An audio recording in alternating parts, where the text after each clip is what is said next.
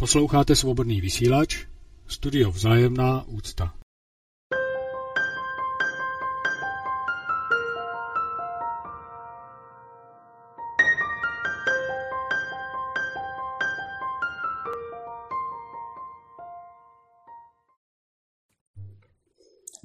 Dobrý podvečer, milí posluchači. Dnes se vám hlásíme z našeho rodinného studia Tomáš Langer a Míša Minaříková. A e, to téma, které jsme dnes e, zvolili, nám vlastně e, se vytvářelo během posledních měsíců, protože ty události, které se dějou a v lednu třeba vypadaly, nebo koncem ledna, jako že se uvolňují, tak se naopak spíš přituhuje a dostává to až šílených rozměrů. A tak jsme si řekli, že bychom zkusili odpovídat na opravdu aktuální otázky, které se týkají toho, co se nám vlastně děje v hlavách a v těch životech, jak na to reagujeme, na, na tu situaci, která je kolem nás. Takže taková témata jako jak pracovat s nepříjemnými pocity, jak být nad věcí, vyrovnanost, nestranost, svoboda.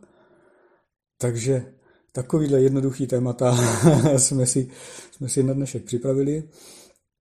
Eh, tak čím začneme, Míšo? tak já bych chtěla pozdravit všechny posluchače, zdravím i tebe, Tome, a moc ti děkuju, že mě tímhle rozhovorem budeš provázet a čím bychom Rád. začali? já taky děkuju. A čím bychom začali? No, co myslíš, Tome? No, začali jsme tím těmi nepříjemnými pocity, protože hm, s těmi se dnes nedá nepotkávat. Mm. Myslím si, že i nejsilnější eh, bytosti mezi námi, eh, i ti, kteří nemají televizi, jako většina asi z posluchačů svobodného vysílače, nebo na ní koukají pro pobavení, ale rozhodně ne proto, aby tam získali informace, tak přesto se k nám dostávají informace rozporuplné a, a hlavně od té chvíle, co začala válka, tak vlastně eh, je opravdu těžký vědět, co se vlastně děje a je těžký eh, porozumět tomu, jestli když eh, člověk vidí věci pohledem obou stran, jestli třeba nakonec není ten, kdo schvaluje válku což je samozřejmě eh, něco, co není morálně správně. Takže ty otázky jsou tak těžké, že vlastně ani není možný eh, nežít eh, v určitým zmatku v hlavě a tudíž s nepříjemnými pocity, protože to, co se nám děje v hlavě, se promítá do emocí, do, do těla. Takže, takže jak tomu vlastně přestat podléhat tady tomu? Tome, já ti moc děkuji za otázku. Eh, je to velké téma, přiznám se. Dá se na to odpovědět, mluvit o tom v podstatě do nekonečna. A je to aktuální téma. A co to jsou vlastně nepříjemné pocity a proč eh, na ně reagujeme tak, jak na ně reagujeme. Hmm pocity jsou buď příjemné, nebo nepříjemné a lidé mají tendenci inklinovat k těm příjemným, protože je to něco, co se jim líbí a přirozeně je vyhledávají. Můžou například všechny, veškerou svoji činnost skládat k tomu, aby eh, se v jejich životě vyskytovaly pouze příjemné pocity a ty nepříjemné pocity, těm se prostě vyhýbají. Ať je to strach nebo hněv, smutek, samota, může to být v podstatě cokoliv. A kdybych se na to podívala z pohledu duality, což je vlastně z extrému do extrému, tak dalo by se říct, že stejně jako den a noc, tak jsou prostě příjemné pocity a nepříjemné pocity. A jediné, co těmto pocitům dává význam, jsem já sám. To znamená, že pokud se rozhodnu, že hmm, budu v rozporu, například s nepříjemnými pocity, tak už v tu chvíli ve mně vzniká stav válka, protože já jsem proti ním v odboji eh, a naopak, pokud vyhledávám příjemné pocity, tak eh, je to v podstatě také stav válka, protože mm, já manipuluju vlastně sám sebou proto, abych tyhle po- pocity mohl získat, takže vlastně jsem na nich závislý. A v mhm. čem vidím svobodu, je právě to um, nerozlišovat příjemné a nepříjemné a nemít tam přání. Mm-hmm. Čili ty vlastně mluvíš o vnitřním stavu války každého z nás. Ano, ano. Což je vlastně počátek, počátek toho, aby se ta válka pak děla v tom vnějšku, takže já vždycky říkám, každý musí začít sám u sebe, to, jak to má, sám se sebou a nevybírat si. Nevybírat si jenom to příjemné, anebo neutíkat před tím nepříjemným, protože pocit je prostě jenom pocit. Mm-hmm. Kdo, kdo hodnotí to, jestli je to v pořádku nebo to v pořádku není. Je to pouze já, mm-hmm. které má přání. A na základě tohoto přání se vlastně rozhoduje o tom, že dříve či později bude stejně nespokojený. Čili vlastně i ten pocit je vlastně naše přání. Ano. A ještě k tomu může mít úplně e, rozdílnou motivaci, protože když třeba řekneme pocit strachu jako teď, ten nej, asi nejhlavnější, tak e, vlastně někdo e, potřebuje pocit strachu k tomu, aby se v úzovkách dokopal k tomu, že něco začne dělat. Čili je to pro něj motivace a pro jiného je strach vlastně mm, takovým, takovým něčím, co ho tak vyděsí, že vlastně není schopen nic dělat. Čili eh, jeden pocit vlastně může mít úplně opačný eh, důsledky. Mm-hmm. Podle toho, jak si to každý z nás přeje. Ano. Eh, podle toho, jestli jsme na tom pocitu závislí, protože ty vlastně mluvíš o tom, že někdo registruje ten strach, dejme tomu, ale nebere ho jako ohrožení, ale bere to třeba jako výzvu Mm-hmm. Právě proto nějakým způsobem růst a přesáhnout nějaké se pomyslné hranice, e, nějakou komfortní zónu a někdo, někoho ten strach velmi omezuje a vlastně ho udržuje v té komfortní zóně a tam jde o to, abychom ho registrovali, ale abychom mu nepodléhali, což je vlastně, což je vlastně stav bez toho přání. Protože pokud nemáme přání, abychom ten strach neměli a nevybíráme si to, jestli to je v pořádku mít strach nebo ho nemít, tak tím pádem mu, s ním nevedeme ten stav té války. Sami mm-hmm. se sebou a nebo i s tím strachem nebo s kýmkoliv jiným. Uh, máme máme uh, v sobě, řekla bych naopak, naopak klid a mír. A to neznamená, že ten strach se nekoná, nebo že tady není. Nebo ignorujeme třeba. Ano, mm-hmm. tak. Ale mm, není to nic, co by s námi mělo souviset. Pokud my tomu mm-hmm. nebudeme dávat význam. Čili jaký je rozdíl mezi tím, jestli teda eh, to jako ignoruju a tvářím se, že to není, ten strach, a mezi tím, kdy ho, kdy ho vlastně uh, kdy ho vnímám, ale nedávám mu tu důležitost. Jak, jak se v tomhle vyznat? mm-hmm. Je to... To je zajímavá otázka. Mm.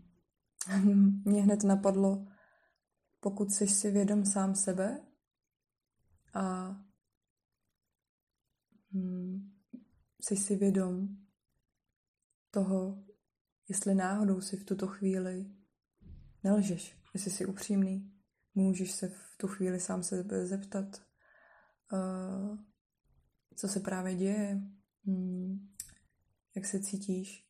Je to vlastně zájem, obyčejný zájem o sebe mm-hmm. nebo o druhé, což je vlastně sebe dotazování, ale i dotazování kohokoliv jiného. A tím vlastně tímto zájmem ty vlastně můžeš rozlišovat, jestli podléháš nějakému svému přání a pokud ano, tak už jenom v tu chvíli, kdy si to uvědomíš, to tady není. Mm-hmm. Čili vlastně na, to klíčové v tom vidím, že musím nějakým způsobem vůbec poznat, že tomu podlíhám. Tak, ano. Což znamená, jak to, jak to vlastně poznat. že, že jsem eh, vlastně, že jsem upnutý na nějakou myšlenku nebo na nějaký, třeba na ten strach, nebo naopak už jsem v tom stavu boje, eh, protože aspoň když se podívám sám na sebe, tak eh, velice často jsem prostě něčím zaujatý a vlastně to ani nevnímám, že, eh, že jsem tím zaujatý. Dokud mm-hmm. mě něco z vnějšku nenakopne a neřekne, hele, koukej, kam, kam až si to myšlenkově dotáh, nebo i, i ve fyzické práci třeba. Mm-hmm. Jo, všimni si, že se ti nedaří. To už je signál. Mm-hmm. Jo. Někdo ten signál potřebuje opravdu velký, jako by řekla bych až tak jako nakopat. Mm-hmm. v podstatě, aby si uvědomil, že mu v tom není dobře. Někdo je natolik citlivý, že hm, zaregistruje ten neklid. Řekla bych, že to je stav neklidu. Ale co mě ještě k tomu napadlo, a samozřejmě ten neklid se může projevovat uh, různým, různým způsobem. Mm-hmm. Nemusí to být neklid, může to být permanentní pocit kontroly, může tam být mm, nervozita, může tam být mm-hmm. v podstatě jakýkoliv projev. Uh, většinou každý to přání nebo ten uh, nějaký myšlenkový koncept se váže na ten pocit, takže mm-hmm. pokud mm, jsme například naštvaní, tak asi registrujeme, že se něco děje, že tam mm-hmm. je mhm. něco, co... A neznamená to, že bychom se nes, nesměli naštvat, to vůbec ne, ale když si nejsme vědomi toho, že, to, že, že se teď tu, v tuhle chvíli je vhodný se naštvat a proto využiju tento svůj potenciál proto, abych dal důraz na, dejme tomu, něco, co říkám, tak se dovolím si naštvat, ale pokud si najednou uvědomím, že, že ten hněv ovládl mě a ne já ten hněv, mm-hmm. tak už je vlastně uh, ta realita ovládá mě. To znamená, že já nejsem si vědoma toho, že to tvořím. Že se karta obrátila vlastně. Ano, jo, jo. ano mm-hmm. to znamená, že ta, tam už vlastně uh, je příčina, tam už vznikla příčina k tomu, že dříve či později stejně sklidíš sklidíš uh, výsledky svých činů nebo svých plodů, což je v mhm. podstatě mm-hmm. karma. Jo. Vzniká automaticky ten následek. Mm-hmm. Ale ještě mě tam napadlo k tomu, že uh, si řekl, že pokud tobě to uh, někdo třeba neřekne, nebo tě nějaká vnější situace neupozorní na to, že to dělá, že si to mnohdy ani neuvědomíš. A já bych určitě zmínila, že, že je vlastně uh, velkým přínosem, když máš kolem sebe bytosti, kteří um, tě chtějí konfrontovat, kteří tady jsou v tomto ohledu pro tebe.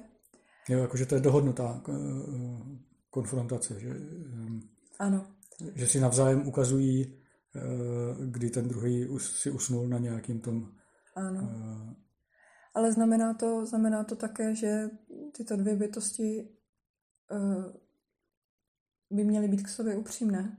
Mm-hmm. To znamená, že pokud k sobě chtějí být upřímné, tak to také znamená, že uh, tam mezi nimi musí být rovný vztah uh, a musí být svobodný ten vztah. Mm-hmm. A ne každý, uh, ne každý vlastně si uvědomuje, co to znamená mít takový svobodný vztah, protože uh, lidé mají strach, že přijdou o někoho blízkého. Um, a vlastně přejí si, přejí si, aby byl v jejich blízko, blízkosti a toto přání jim vlastně brání v tom, aby toho člověka viděli. Jsme takový... zase upřání. Ano. ano, jsme zase upřání a vždycky se k němu vrátíme, protože si uvědomuji, že, že, že vlastně přání je hnací sílou samsáry. Mm-hmm. je... Čili tady toho materiálního světa? Ano, mm-hmm. je, ano, přesně tak. Ještě bych, já jsem mluvila o příteli, který mm-hmm. ti může pomoct, pokud mm-hmm. sám se v tom zapomeneš. Ale chtěla bych určitě zmínit uh, významnou, významnou roli uh, učitele mm-hmm. v mhm. životě. A uh, může to být učitel, který je inkarnovaný mm-hmm. na této zemi, anebo to může být učitel, který uh, zde inkarnovaný není. Čili jako například, v slova smyslu duchovní učitel. Duchovní učitel. Mm-hmm. Ale ještě, abych to dořekla, tak uh, například může to být Ježíš Kristus, který uh, tu stále je v prostoru s námi. Mm. Už to sice není inkarnovaný, ale to neznamená, že tu že to není stejně tak jako Buddha Shakyamuni, stejně mm. tak mhm. jako Bodhidharma, stejně tak jako uh, Padmasambhava, mm. Milarepa a podobní velcí učitelé a svědci. Mm. A já musím říct, že je obrovské štěstí, pokud uh, se v tvém okolí objeví někdo, kdo se sem inkarnoval a ty ho potkáš a on uh, najednou poznáš tu jeho tu jeho radikální upřímnost, která je mm-hmm. vlastně bolestivá. Ale, podstatou.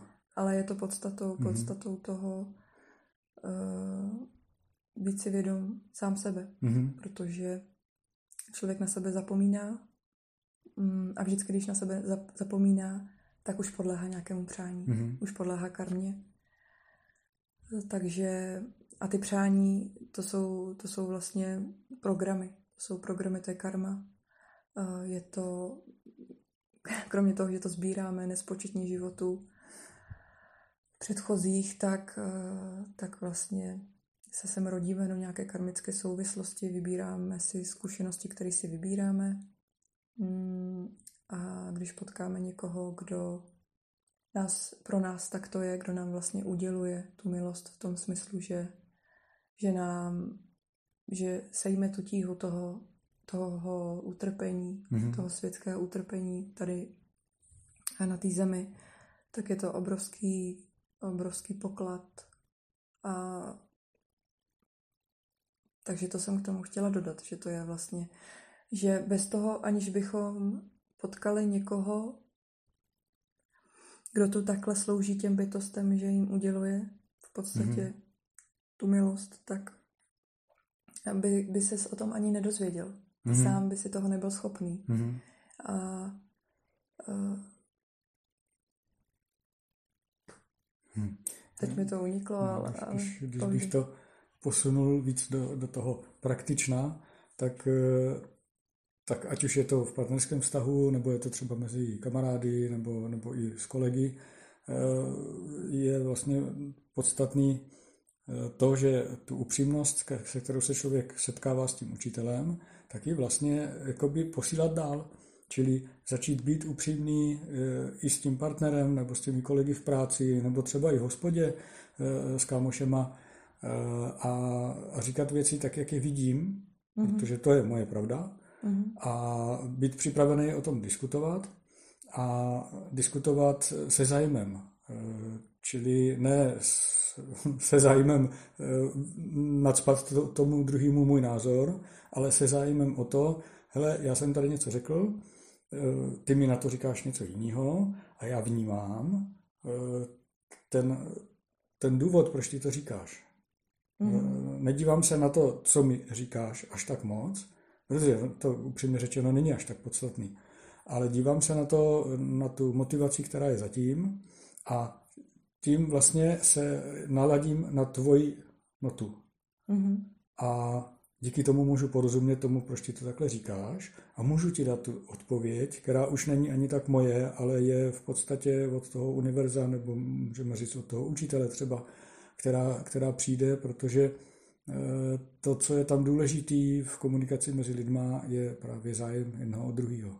Mm-hmm. To znamená, ne, tím odstraňujeme vlastně tu příčinu boje, protože pokud chceme argumentovat, a na tom jsme naučení od školy, eh, z televize a ze všeho, prostě všichni chtějí porazit toho druhého. Mm-hmm. A mhm. neuvědomují si, že není možný trvale eh, vítězit.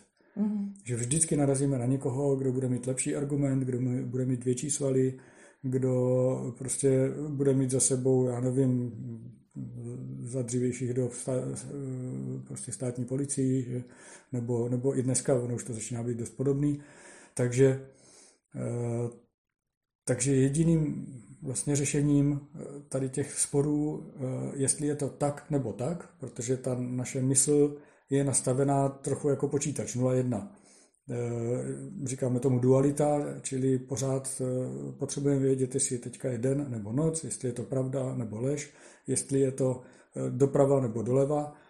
A, a to je ten stav války vlastně, už tohleto, že si ne, nejsme schopni uh, si uvědomit, že nestranost a vyrovnanost je mnohem víc, než vědět, že je to tak, anebo tak. Mm-hmm. Určitě, s tebou souhlasím, Tome. Mm-hmm. A teď jde o to, jak v té situaci, kdy třeba máme strach z toho, co bude, protože jako ano, byly tady války i dřív, ale byly prostě nějak víc tisíc kilometrů daleko od nás a, a nevedl je někdo, koho jsme považovali za, za přímého nepřítele. A teď najednou tady máme válku, která, která je blíž k nám a navíc ji vede vlastně eh, stát, se kterým máme eh, špatnou historickou zkušenost a najednou ten strach nabývá obrovských rozměrů a, a vidím to prostě ve svém okolí a konec konců i sám na sobě, že si s tím nevím rady. Že i když se člověk snaží o tu vyrovnanost, tak prostě každá další informace, která k němu přijde, tak ho vystrčí z té eh, vyrovnanosti na jednu nebo na druhou stranu. A jakmile člověk se, se začne pídit po tom, jak to teda je s tou informací, která mě vystrčila z té rovnováhy, tak vlastně prohlubuju ten útěk od toho rovnovážného stavu a, a je jenom otázka, kde, v kterém okamžiku si všimnu, že už jsem hodně vychýlený z té rovnováhy a že, že je potřeba se vrátit. Mm-hmm. Hledat zase tu informaci, která by to vyvážila eh, v tom, v tom opačném směru a tímto vlastně postupně pořád, eh, pořád se vlastně jednak zjišťuju víc a víc o té, o té problematice, nemusí to být jenom válka nebo jenom covid, může to být eh, cokoliv pracovního nebo, nebo i eh, zkoumání úplně jakéhokoliv, ale vždycky, když, když se vlastně přikláním k jedné variantě, tak vlastně ztrácím informace o té druhé, eh, o té druhé možnosti. Mm-hmm. Takže jako zní to trochu schizofreně, ale vlastně to být v rovnováze, být v rovnosti, znamená vlastně proskoumávat celou šíři problému. Mm-hmm. Čili my na těch koncích těch problémů máme tu, to, co chce mysl, je to doleva nebo doprava, jo? nebo je to eh, tenhle stát má pravdu, nebo tenhle stát má pravdu. Ale když my to vlastně budeme zkoumat v celé té šíři, tak zjistíme, že na obou stranách je spousta pravdy a na obou stranách je spousta dezinformací, lží, eh, nesmyslu a tak dál. A e, ten zajímavý důsledek toho je vlastně ten, že člověk, když si uvědomí, že teda ty informace jsou na obou stranách, dá se říct, stejně kvalitní nebo nekvalitní, tak e, nakonec dojde k tomu, že vlastně neví. Mm-hmm. A když to neví e, přijmu jako fakt, tak se mi strašně uleví. Hmm. Protože najednou zjistím, že to nemusím řešit z jednoduchého důvodu, že to prostě nemůžu vyřešit. Hmm. Jo. Což jako v tu chvíli se mysl vaří samozřejmě ve vlastní šťávě, protože mysl říká, ne, musí to být tak, anebo tak. A já říkám, ne, může to být úplně odleva až úplně doprava, může to být úplně v prostřed, je to úplně jedno. Všechny stavy jsou možný. A to, je, to jsou pak krušný dny a týdny, když si tohle člověk uvědomí, protože ta mysl se to snaží nějak pojmout a nejde to. Mm-hmm. Nejde to a musí přijmout tenhle paradox, že tak prostě je. Mm-hmm. Což je v podstatě e, důsledek zákona pomývosti, který říká, cokoliv, jakýkoliv jev nebo věc, která vznikla, nějakou dobu trvá, tak stejně zanikne. Mm-hmm. Čili výsledkem tohoto procesu je nula, prázdnota. Mm. Ať, ať děláme cokoliv, ať cokoliv se děje okolo nás, tak máme jednu jedinou jistotu, že to někdy skončí. Čili i ta válka někdy skončí. A může skončit i tím, že my v průběhu té války umřeme, že jo? takže pro nás skončí tím okamžikem toho, toho úmrtí. I to je potřeba si říct, že to tak klidně může být. Mm-hmm. A já nemusím umřít tou válkou, já můžu umřít prostě, eh, protože eh, dostanu infarkt nebo mě přejede auto. Jo? A, a tímto vlastně člověk relativizuje důležitost toho, co nám ta mysl předkládá k řešení. Čili to je, to, to je příčiny toho strachu. Příčina toho strachu není to, co se děje. Příčina toho strachu je to, jak to vyhodnotí mysl. Což je šílený paradox. Teda když hmm. se nad tím takhle zamyslíme. Já bych tomu možná tomu doplnila, mm, zmiňuješ mysl mm-hmm. a mm, jsme to my sami, kdo ovládá tu mysl a je to stejný nástroj jako tvoje ruka nebo tvoje noha. Potřebuješ ji prostě proto, aby si tady mohl přežít mm-hmm. a žít. Hm. A on tam vzniká takový jako nedorozumění, že mysl uh, nás ovládá třeba, nebo mm-hmm. my nejsme mysl. Uh, a ano, uh, s tímto taky musím souhlasit. Na druhou stranu, pokud jsme si vědomi sami sebe, mm-hmm a nemáme přání nějakým způsobem tu mysl kontrolovat, nebo ji znásilňovat, nebo ji držet pod krkem, tak uh, jsme to jenom my sami, kdo určuje, jestli tu mysl budeme používat nebo ji používat nebudeme. A stejně tak, pokud si nejsme vědomi sami sebe a podléháme nějakému přání, podléháme karmě, příčině a následku, podléháme dualitě, jak jsi řekl krásně, No, tak ano, ta mysl, v té mysli se tvoří myšlenkové konstrukce, které pokud se opakují, tak vzniká z toho program. Něco jako mm-hmm. počítačový program. Mm-hmm. Čím mm-hmm. více se opakuje ta reakce, ten, ten myšlenkový konstrukt, tím se upevňuje ten návyk. To jo, zesiluje se vlastně jeho reakce. Je, ano, mm-hmm. je to tak. Takže a tím pádem nejsme my mhm. pány naší mysli, ale ona ovládá nás. Je to stejné jako uh, člověk, který uh, si je vědom sebe tak a ví, kdo je, tak ovládá realitu a člověk, který je obětí, obětí své situace, tak realita ovládá jej. Mm-hmm. On je zneužívaný realitou, zneužívaný tou samsárou a je vlastně jedno, jestli eh, je obětí toho, co ta mysl mu předkládá, protože je prostě mm, přetížený eh, třeba pracovně, anebo protože má v sobě, dejme tomu, nějaký velký křivdy eh, z mládí, a který, přes který se není schopný přenést a pořád ta hlava vlastně řeší, pořád tam vznikají sami myšlenky, které sami sebe ovlivňují a, a znova posilují. Mm-hmm. Čili pokud je člověk už tady v tom stavu, kdy, kdy mu vlastně v hlavě břučí tisíce myšlenek a, a on to jako v nejlepším případě je schopný to pozorovat, ale neví, co s tím má udělat, co bychom takovému člověku poradili?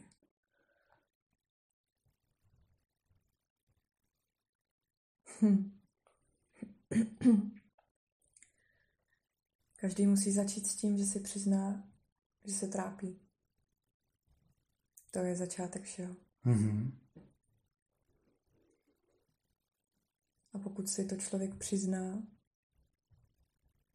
tak už tím se započíná ta změna. Jo, jo. Protože to už je, uh-huh. počátek upřímnosti, Mhm. která tě musí provázet po, celé, po celou dobu tvé cesty. Upřímnosti především sama k sobě. Ano. Což znamená třeba i to vůbec si všimnout, že eh, ačkoliv eh, v tom pracovním zápřahu jsem už, já nevím, 10-20 let, tak eh, že, že si to vlastně neuvědomuju. Tak eh, přiznat si, že to tak je, že už toto je prostě eh, nepříjemný stav, už je to něco, co můžeme nazývat utrpením třeba. Mhm. Eh, Tam si myslím, že je, je zásadní věc u mnoha, mnoha lidí v dnešní společnosti, že vlastně si vůbec neuvědomují, že jsou nějakým způsobem přetažení, ne, nespokojení a že upřímností je tento stav nazvat utrpením. No, ono, ono celkově vzniká obrovský nedorozumění v tom, že samsára je prostě koncept, kde vyhrávají nebo kde se prosazují jenom ti nejlepší, jenom ti nejsilnější jedinci. Mm-hmm. To znamená, že všichni se ženou za tím, jak eh, vydělávat peníze, jak být úspěšný a eh, nebo se můžu dokonce hnát i za tím osvícením, je to úplně jedno, ale je tam Mhm. prostě mm, Je tam snaha být první, nebo nevím. něčeho dosáhnout, něčeho, Něčeho dosáhnout, něčeho dosáhnout, nějak se jakoby nějakého pomyslného bodu, kde se budeš konečně cítit spokojený a uspokojený. No a tam právě vzniká nedorozumění v tom, že lidé úplně, ale úplně zapomínají na tom, že obrovská síla tkví v tom, že budou citliví a křehcí. Že budou do té své slabosti a řeknou si, ty ale tohle se mi teď vůbec nelíbí, nebo to, co uh, dělá třeba ta osoba naproti mě, eh, mě bolí, Mm-hmm. protože mě například uh, je, vykládá nějaký sarkastický vtip, Mm-hmm. a, ale mi to vůbec nepřijde vtipný, ale mám strach jí to říct, protože bych Mhm. mm-hmm. o tu osobu mohl přijít a to přání, Udržet Udržet to si- blbě. no, Jo, jo. přání udržet si ten vztah je větší než já. Mm-hmm. Takže, takže už jenom to jít do toho přiznání si, že vlastně tě něco bolí Mm-hmm. a že to je v pořádku, že to neznamená, že to není v pořádku, protože mm, může se taky stát, že někdo má v sobě zakořeněný návyk, že eh, se prostě musíš být silná, musíš všechno zvládnout, musíš, eh, nesmíš plakat, protože, protože tím vlastně ukazuješ tu svoji slabost a ta slabost se prostě nenosí, ale to, to vůbec není o tomhle. Je to právě o tom, že se před sebou odhalíš a otevřeš se. Mhm. Je to právě o té otevřenosti. Mm. A ten návyk jako nedávat to najevo je ohromně silný, Hmm. protože nás vlastně od začátku učí, musíš bojovat. Mhm. O to místo na slunci, o Mhm. to, aby ti bylo líp, Mhm. ale zapomíná se na to, že každý bojovník jednou pozná uh, porážku. Mhm. A to je ten okamžik, kdy se stejně otevře, protože najednou se ukáže, že není ten nejlepší. Mhm. A takže se tomu nedá vyhnout. A zase, když se vrátím teda k tomu zákonu pomíjivosti, Mhm. tak jestliže vím, že to v nějakém okamžiku začíná, tak zároveň tím vím, že to i skončí, tak můžu rovnou ty dva okamžiky takhle zhrnout k sobě a říct, jestliže to teď začalo, Mhm. tak už to vlastně pro mě skončilo, protože já vím, že to skončí. Mhm. A tím pádem ten konec je ta, ta prohra toho bojovníka. Mhm. Takže já můžu ještě než začnu bojovat, tak můžu rovnou říct, hele, už jsem prohrál. Mhm. Jo, tady, tady ti ukazuju, jsem na, na, na krovkách prostě ruce zvednutý, jo. Mhm. A co ten připravený bojovat, jako teď tím najednou dělá? Jo. Jo, krásně si to popsal. Ty vlastně mě k tomu hned přišlo další slovo synonymum jako vzdání se. Mhm. To je vlastně jako, eh, ty vlastně mluvíš o nezávislosti, což je vlastně zase synonymum svobody. Jo? Že pokud, mm-hmm. pokud v tom, uh, dejme tomu, vidíš ten počátek, ten průběh, i ten konec mm-hmm. a mhm. smíříš se, smíříš se prostě i s tím příjemným, i s tím nepříjemným, mm-hmm. protože, protože podláháme všichni ty důležitě, mm-hmm. bez, bez podmínek, takže, takže mm, v tom průběhu, kdy to jakoby trvá, dejme mm-hmm. tomu, tak je jasné, je, je prostě na 100% jasný, že ta, tam budou prolínat příjemný i nepříjemný, mm-hmm. jak pocity, tak situace, tak uh, cykly. Je, je, mm-hmm. to, mhm. je to neustále neustále mm, výměna těch cyklů. Neustálá změna. Ano, neustálá mm-hmm. změna, děkuji. Takže pokud tohle, tuhle jediné, tenhle jediný zákon mm-hmm. víš, znáš a uvědomuješ si ho mm-hmm. a mhm. pořád do, ní vstupuješ dobrovolně, mm-hmm. tak uh, se vlastně směřuješ i s tím, zároveň se směřuješ i s tím koncem. Mm-hmm. Směřuješ se s tím, že, že to skončí a vlastně nebudeš tam mít nějaké zvláštní jako nadšení z toho, že to například se to může opakovat mm-hmm. a mhm. nebudeš tam mít ani žádné uh, nějaké mm, zbytečné zklamání nad tím, že mm-hmm. už to mhm. končí. To znamená, že ty jsi na, uh, ve stavu vyrovnanosti a bavíme se už vlastně uh, o tématu, kdy uh, pokud bych vzala teď příklad naše tělo, náš život, mm-hmm. tato inkarnace, tak uh, jako si říkal, že narodíme se, prožíváme nějak ten život eh, a ke sklonku života se může stát, že tam vznikne nějaká nemoc, může to být třeba i nepříjemná nemoc, mm-hmm. ale je to, pořád, je to v pořádku, je to v mm-hmm. pořádku, protože jsme prostě v té dualitě a na konci, na konci nás prostě čeká, na konci nás, na konci nás všechny, bez, bez výjimek, čeká ukončení kar, kar, mm-hmm. jako karmické souvislosti tohoto těla.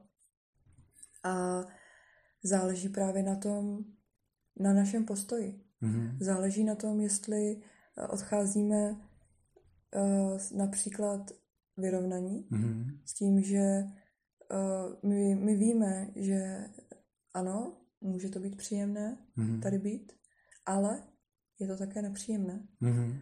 A nejsme ani v jednom extrému. Mm-hmm tak pokud jsme v této vyrovnanosti a odcházíme, tak to vyrovnaní, tak uh, pak jsme to my sami, kdo se rozhoduje, jestli se se může znovu zrodit mm-hmm. a opakovat například v jiné inkarnační souvislosti něco jiného. Mm-hmm. a nebo pokud nejsme v té vyrovnanosti a máme tam nějaké zvláštní přání nebo mm-hmm. zvláštní zklamání, tak v tom případě nemáme na výběr. My totiž uh, nejsme uh, páni toho, že se rozhodujeme o tom, jestli se zrodit můžeme nebo ne, protože mm-hmm. podléháme karmě. A karma je součástí uh, tohoto světa. Mm-hmm. Takže pokud jsi otrokem karmy, tak je jasné, že se sem budeš zrozovat dokud si to neuvědomíš a neosvobodíš mm-hmm. se. Hmm. No, tak to je téma, eh, na který máme jednu krásnou lidovou písničku, tak bychom si teďka mohli dát eh, písničku a po ní budeme pokračovat. Dobře. Zahrám vám písničku, po které bychom byli nejradši, kdybyste už netleskali, protože se jmenuje Smrti. A když nás ještě vytleskáte, tak budeme muset hrát i po smrti.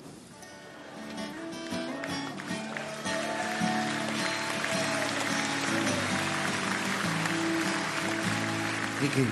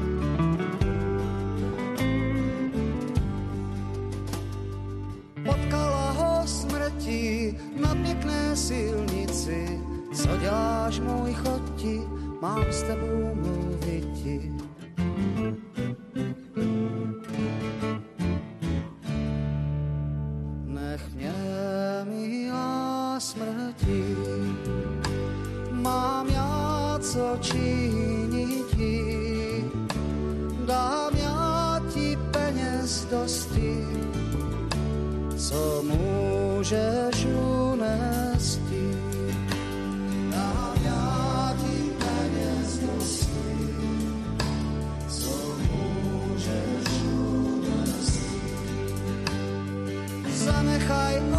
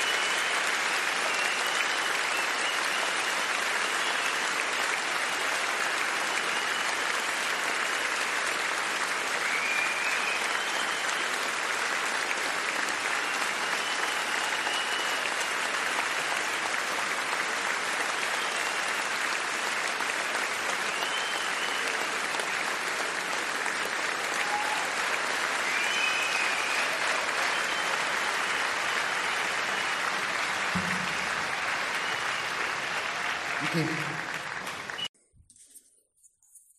Takže po krásné písničce, písničce od Hradišťanu a Vlasty Redla eh, o smrti eh, a o pomývosti jsme zpátky s tématem, který je o tom, jak právě pracovat se svými pocity a se, svým, svým, se svou myslí, aby, abychom v této složité, můžeme říct i těžké době, nebyli pod tíhou toho, co, co vidíme, co slyšíme, ale naopak, aby jsme si udrželi vyrovnanost a určitý stav nad věcí, čili ne to úplně ignorovat, ale zajímat se, ale nenechat si tím semlít. Čili bychom mohli trošičku popsat vlastně, kdo jsme, kdo nejsme a a když jsme tady mluvili o mysli, tak eh, vlastně v ní, v ní vznikají ty, ty programy, ty návyky, eh, křivdy. Eh. Můžeš k tomu říct nějaký pohled? No, hm. tak já bych možná začala vylučovací metodou, kdo nejsme. a nejsme jsme toto tělo a všechno, co se k tělu pojí. To znamená všechny naše smysly. Mm-hmm. Včetně mysli, teda. Takže my nejsme, řekla bych, karma, nebo součástí karmy.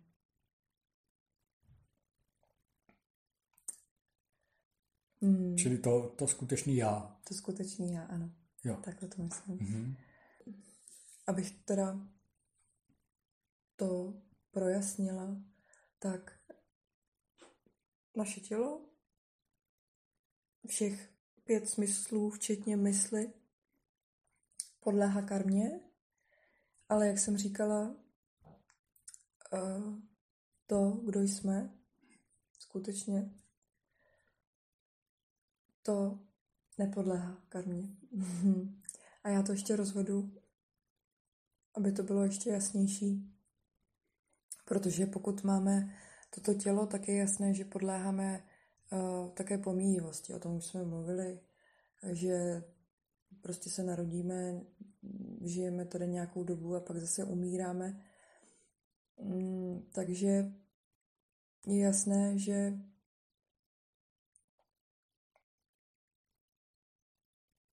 podléháme taky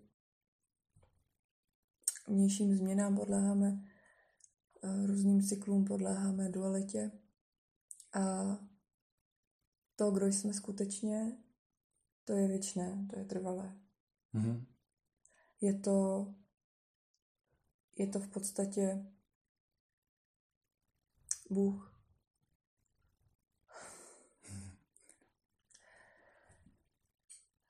Nebo projev Boha, řekněme. Hmm.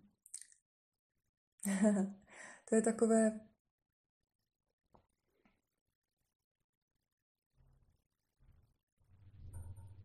Každý jsme Bohem zde na zemi.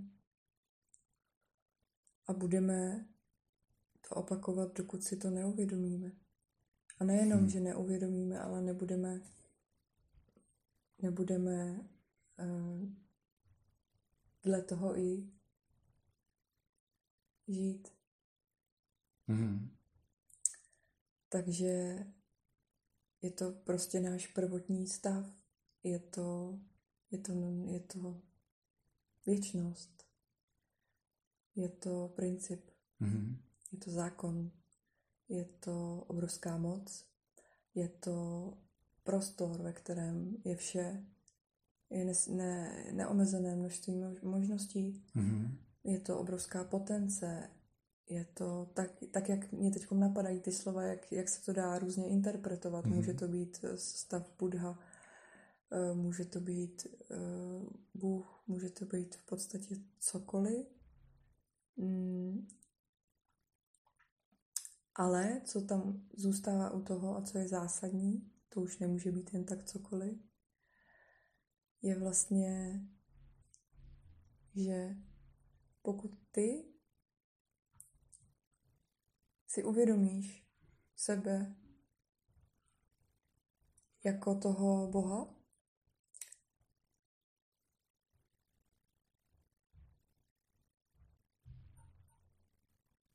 Tak se s tím zároveň pojí i velká moc a taky odpovědnost. Mm-hmm. A taky soucit. Hmm. A upřímnost. Jsou to nádherné kvality, které může mít jenom Bůh. A my všichni máme tu možnost toho dosáhnout. Toho dosáhnout, akorát, akorát uh, někdo to třeba neví. Mm-hmm. Někdo si může myslet, že on nikdy snad na to by se cítil příliš malý před Bohem. A zároveň má pravdu, protože mm, stát před Bohem, být v jeho přítomnosti, je velmi konfrontační, protože když vidíš tu jeho nádheru, vidíš tu jeho krásu, tak a víš, kdo jsi ty, mm-hmm. tak je to wow, ale zároveň taky, když se před něj postaví a možná by se ani nepostavil, protože kdyby to byl opravdu nějaký někdo, kdo nemá dobré úmysly nebo kdo jedná se špatnou motivací, tak by se ani nemohl postavit do jeho přítomnosti, protože by neunesl. Neunesl by tu jeho velikost, neunesl by tu jeho nádheru, neunesl by ten, tu jeho, ten jeho nezměrný soucit, tu jeho vznešenost. Prostě by to nebylo možné. Takže možná mě to mé zpátky na več, kde jsme začali. Jo, já jsem chtěl trošku to posunout, teď jste si to teda nádherně popsala, ten, dá se říct, ten cílový stav, ke kterému se chceme dostat a skrz ty inkarnace se k němu pomaličku, chci se mi říct, pachtíme, protože v tom efektivní zrovna nejsme, ale když se vrátím vlastně k tomu, k tomu já, co, co je teda já, tak by se taky dalo říct, že to je vlastně ten to vědomí, ten princip, který má tu moc ovládat mysl a skrze ní tělo. Čili to považuji za důležité si uvědomit vzhledem k tomu dnešnímu tématu, že to není mysl a ty myšlenky v ní, kdo ovládají člověka, nebo dost často to tak je, ale nemělo by to tak být. My jsme skonstruovaní tak, že ten, kdo ovládá, je ta, to vědomí, to já.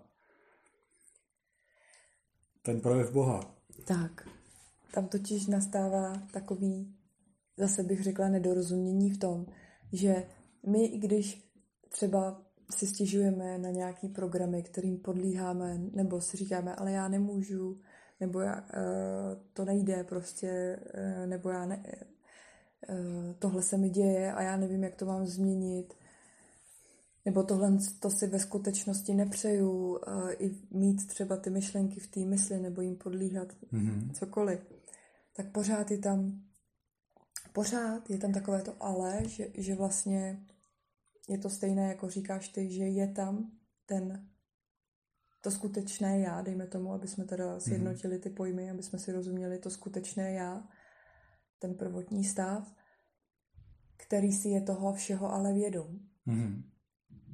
To znamená, že člověk, který říká, že nechce, tak chce. A to je ten paradox. No, Protože hlavně... to jeho skutečné já moc dobře ví, co dělá. Ano. Každý ví, co, co dělá. Každý to ví. Mm-hmm. A někdo si hraje na to, že to neví. Čili to je vlastně tenhle ten princip, je to, čemu říkáme svědomí. Tak, ano. Jo. Je to tak.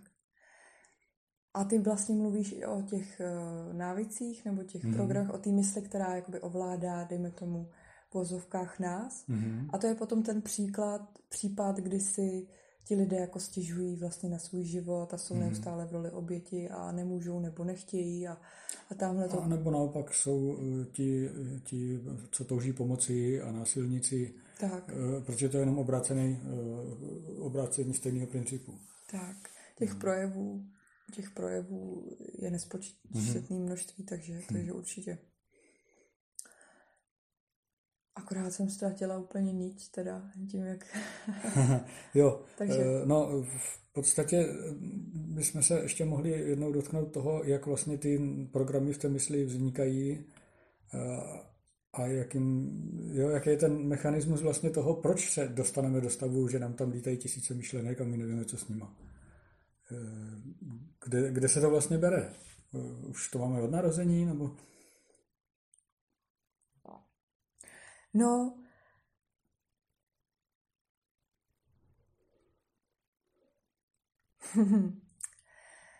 je pravda, že, že čí, jakože čím dál tím víc se ta doba zrychluje, dejme tomu v vozovkách, eh, je mnohem více podnětů, proč reagovat nebo nereagovat jsme přehlcení, ta naše mm-hmm. mysl je přehlcená, ať už je to uh, technologiema, telefonama, počítačema, uh, televizí, prostě neustále máme tendenci něco dělat.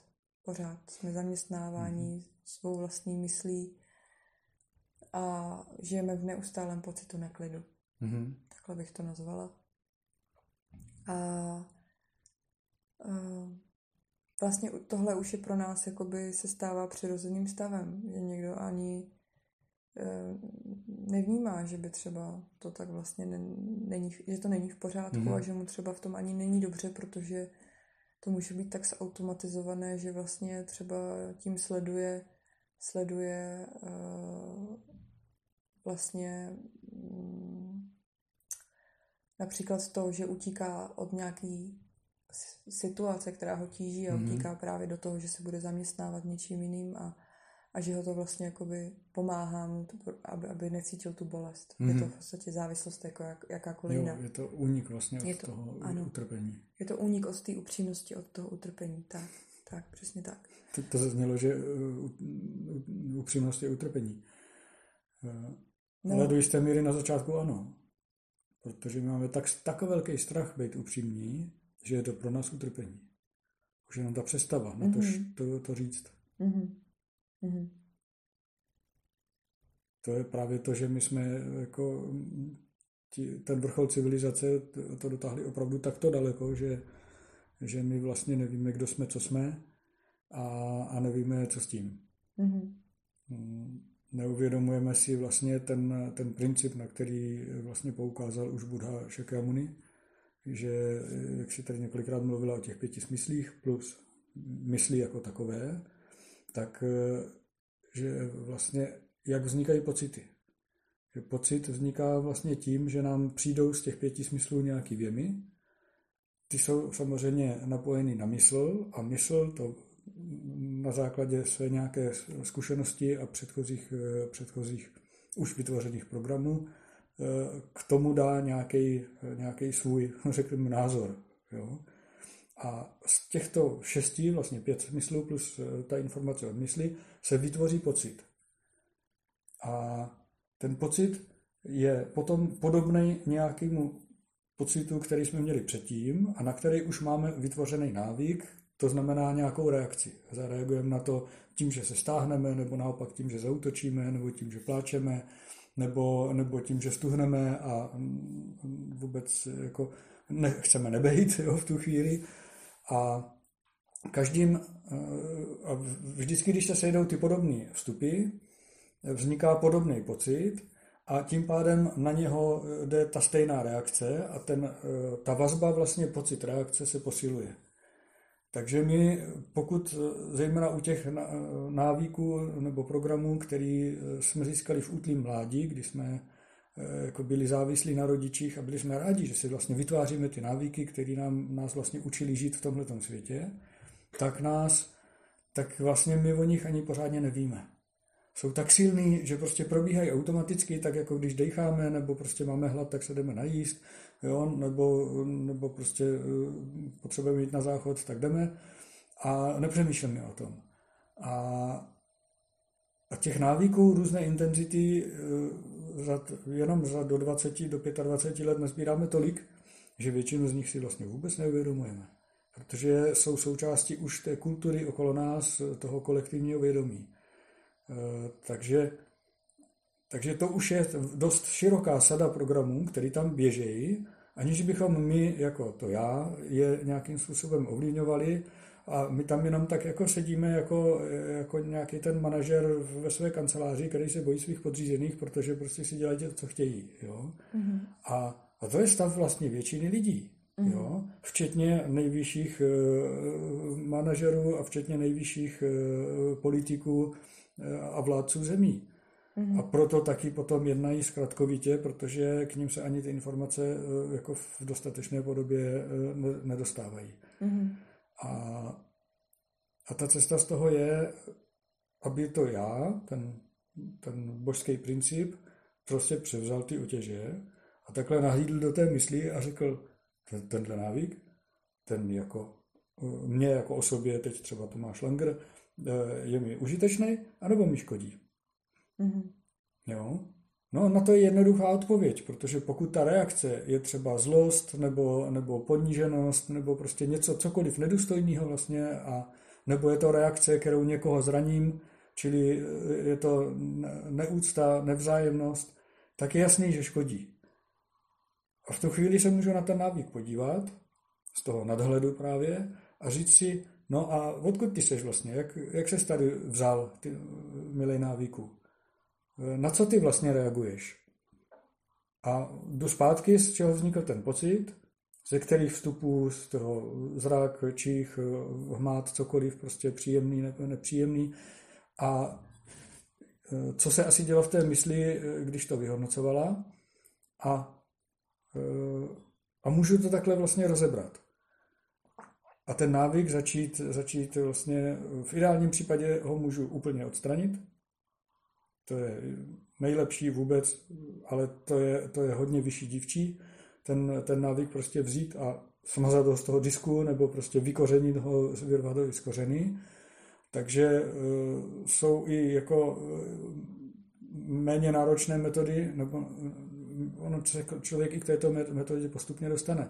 Ale jsou i metody třeba meditační, které umožňují udělat to, že, jak jsme si říkali, je tam těch pět smyslů a mysl, který dávají dohromady pocit a na to je navázaná reakce, tak třeba existují meditační eh, kurzy, programy, které učí člověka eh, vlastně na, na úrovni, doslova i na úrovni těla, i na úrovni mysli, tu poslední fázi, tu reakci eh, vlastně odpojovat. Takže nemusíme se zabývat tím, jak to vzniklo, ve kterých situacích a proč to vzniklo, z počátku, ale stačí jenom, když nebudeme reagovat na ten pocit.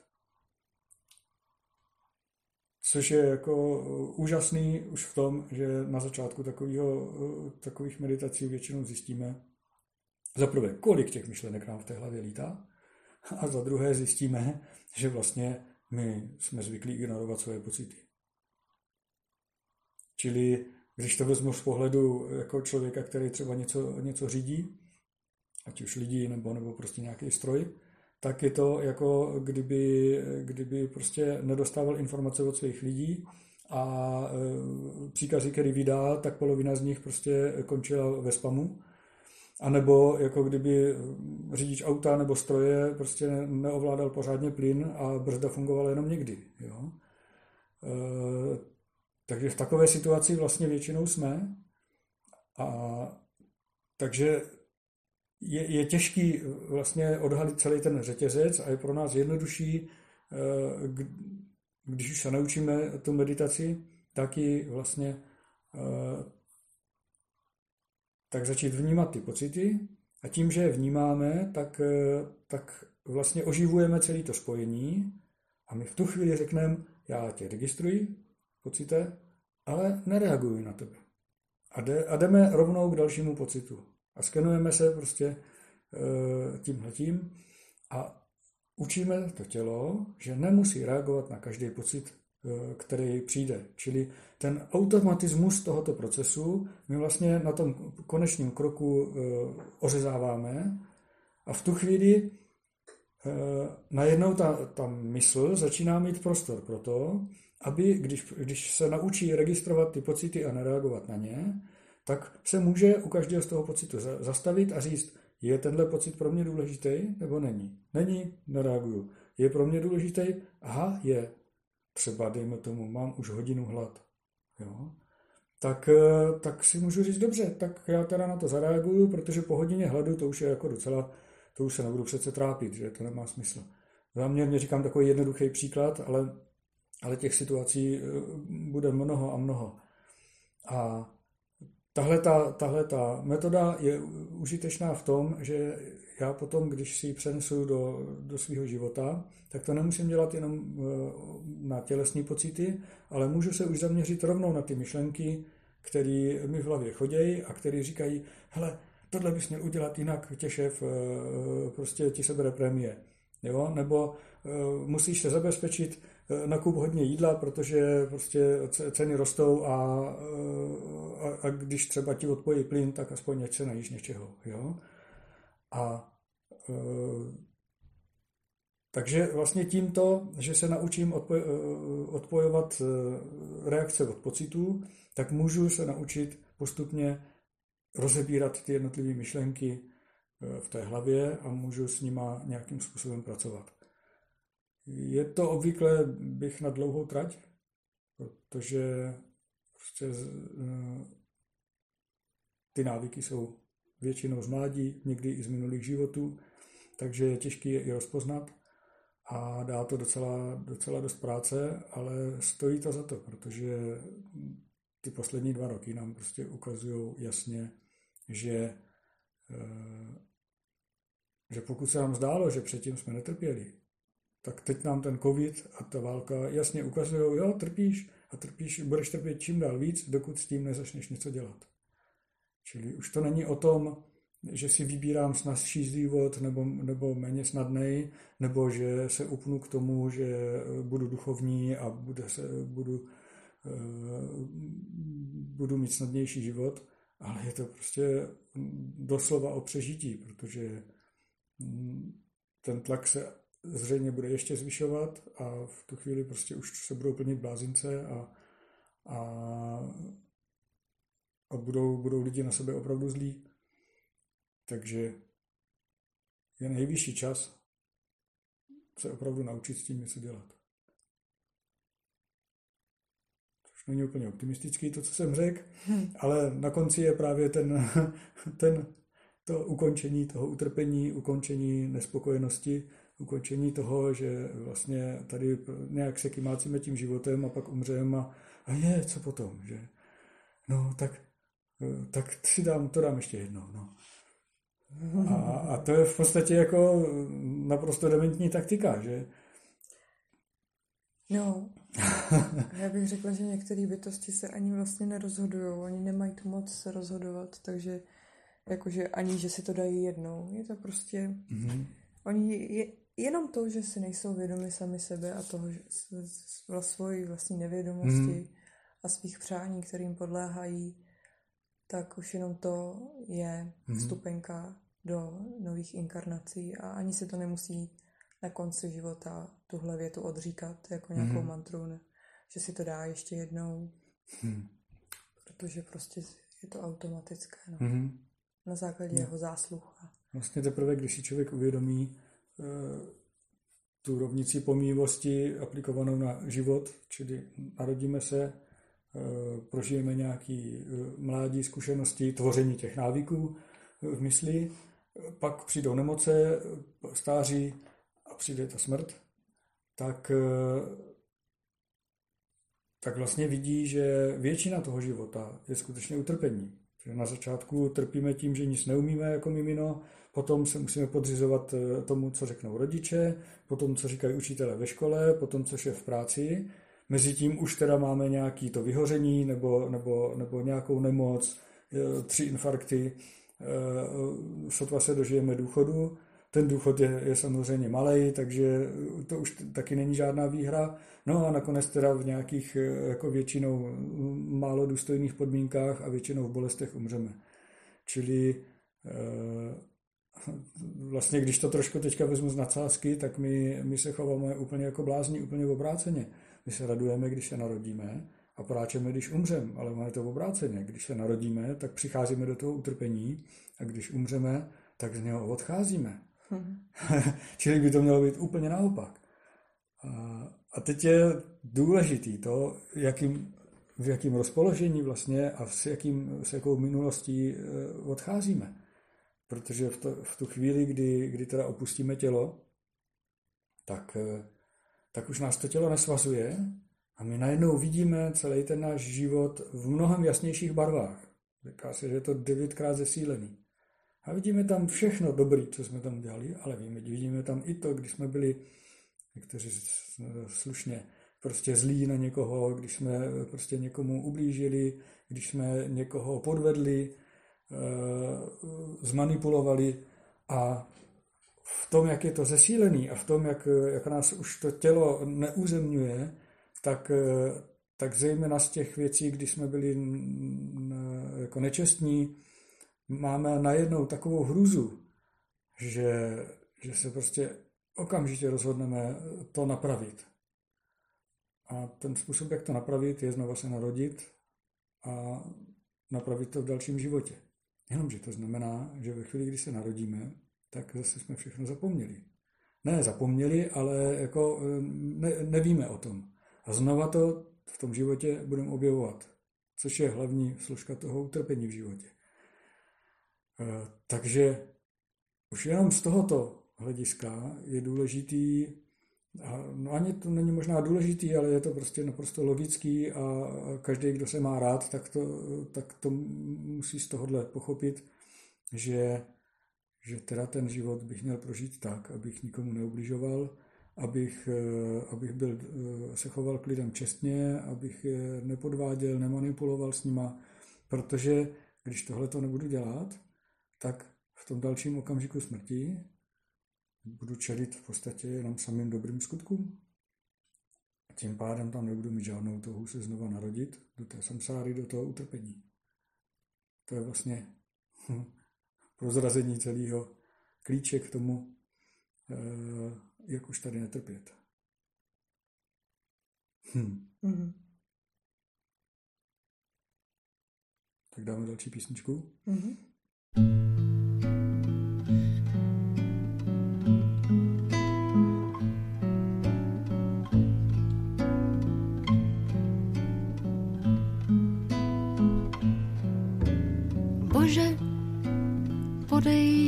Ještě ten kalich.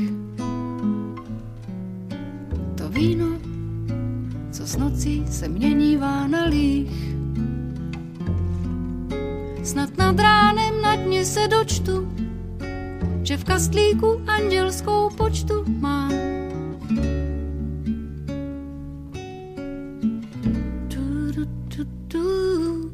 A že hoře se skutálí do jedné slzy. Slza se vsákne a pak jí to mrzí. Že po prvním slunci se nadechnem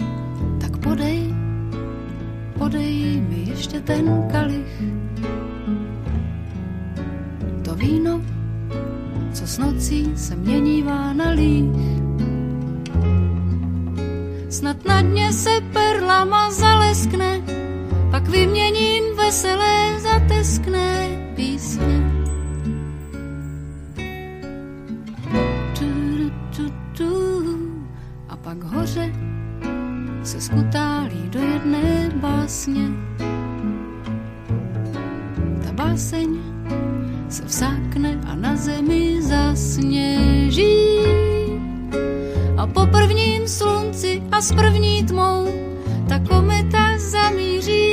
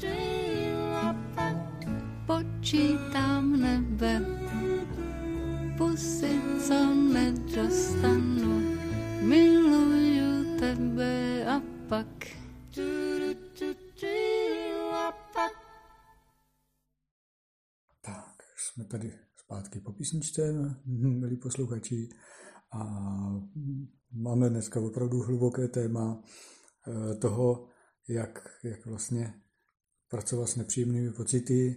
Já jsem to pracovně nazval, jak se z toho nezbláznit, z toho, co se na nás valí. Tak eh, my jsme skončili docela hlubokou, eh, hlubokou, hlubokým tématem o tom, co se vlastně děje po smrti a jak, jak vlastně z toho ven, jak vlastně dosáhnout osvícení. A tak mě to vrátilo k tomu, co jsme říkali někde na začátku, že, že vlastně všichni máme v sobě toho Boha. To, to já, to je vlastně ten, ta část Boha, která se tady rozhodla prožívat nějakou zkušenost. Takže, takže vlastně všichni jsme svým způsobem už osvícení, jenom to máme překrytý tady těma nánosama a tím zaujetím pro pro tu samsáru, pro ten třírozměrný svět. Takže jsme povídali o těch přáních. Já bych k tomu, Tome, ještě doplnila, že kdybychom si uvědomovali, že jsme Bůh, tak bychom se sem nezrozovali. No to je logický. Ano. Takže um, je to vlastně takový hodně těžkopádný uh, se sem narodit a uh, je to vlastně směšný, když se na to podívám.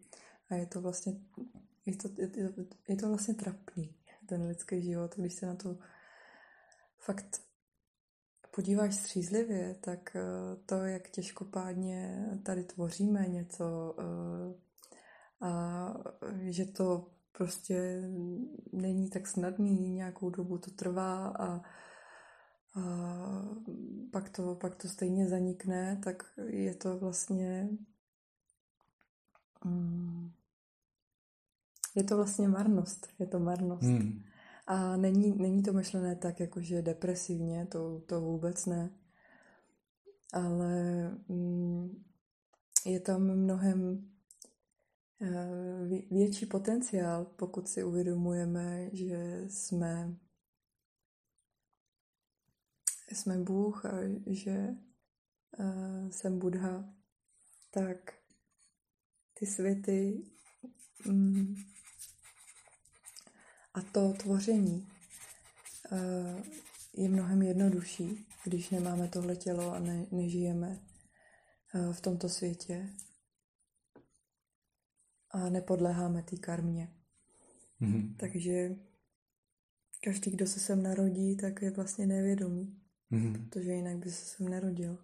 Takže uh, každý, kdo si sám sebe uvědomí a uzná se jako Boha, jako Budhu,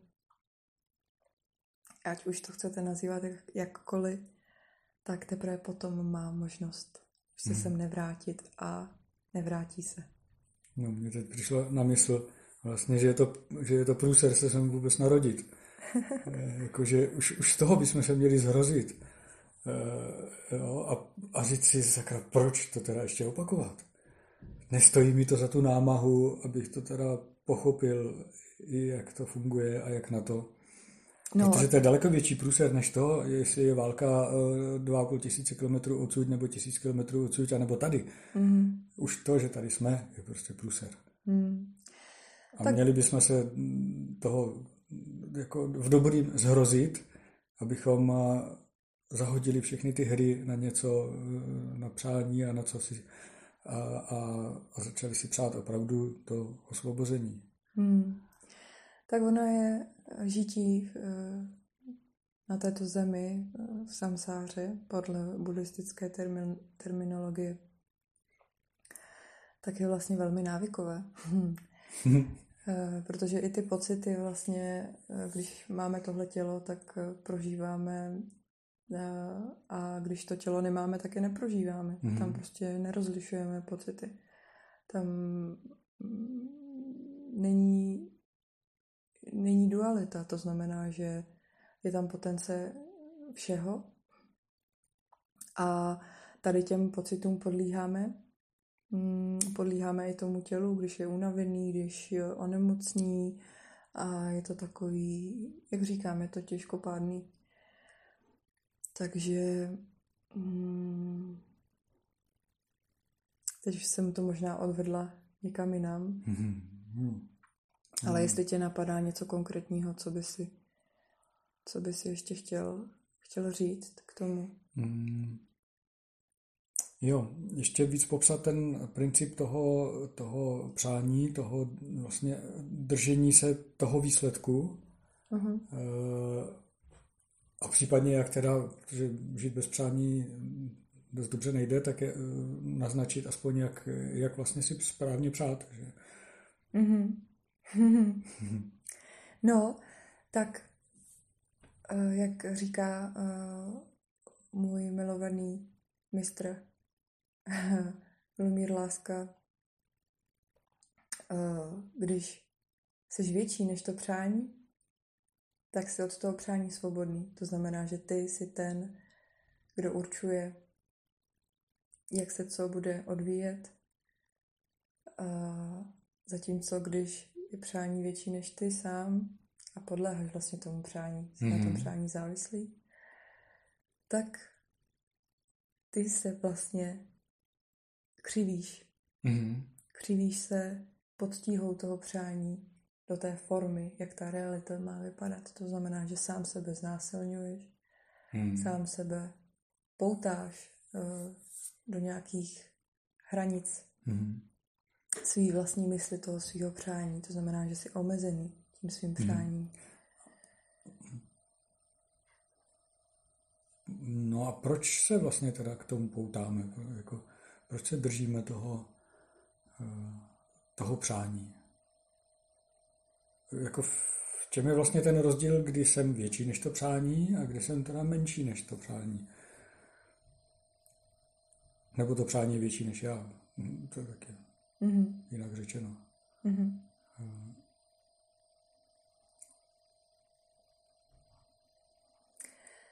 Je to